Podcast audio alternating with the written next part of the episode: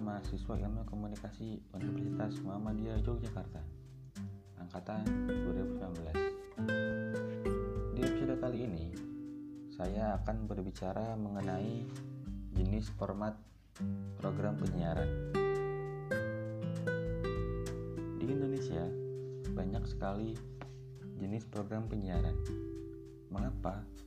Karena hal tersebut mengacu pada buku Morisan yang mengatakan bahwa apa pun itu bisa dijadikan program untuk ditayangkan di televisi ataupun di kanal YouTube Anda hari ini. Dan selama program itu menarik dan disukai halayak dan selama tidak bertentangan dengan kesusilaan hukum dan peraturan yang berlaku.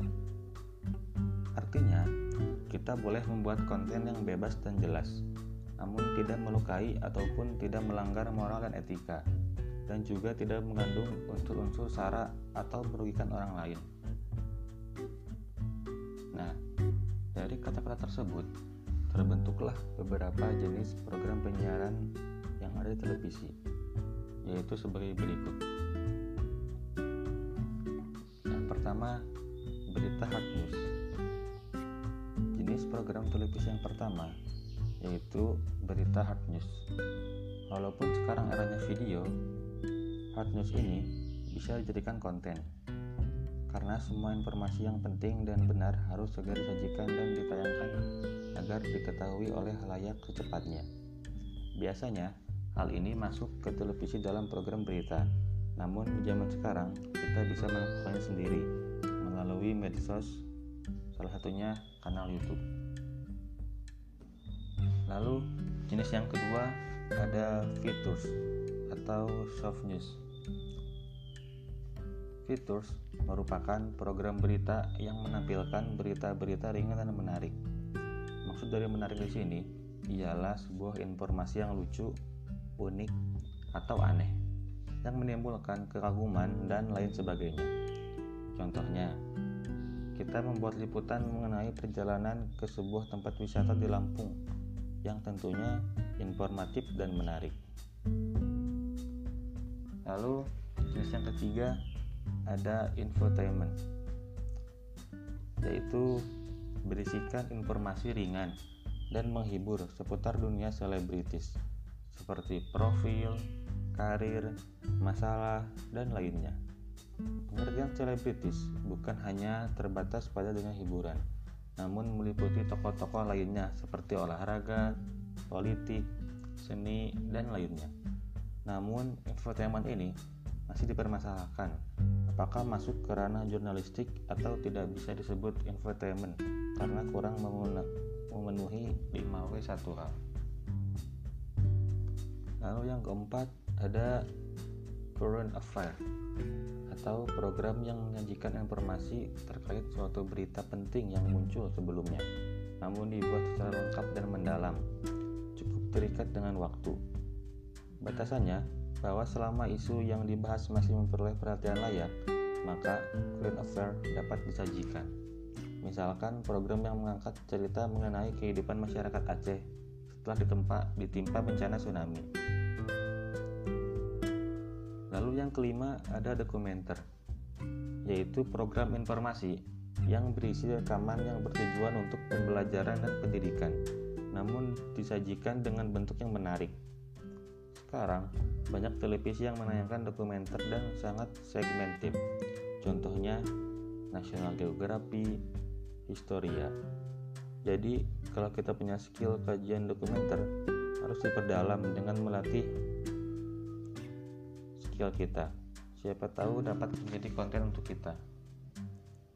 Lalu yang keenam ada reality show program acara tele, program acara televisi yang menampilkan sesuatu peristiwa berlangsung kepadanya, natural dan tanpa skenario.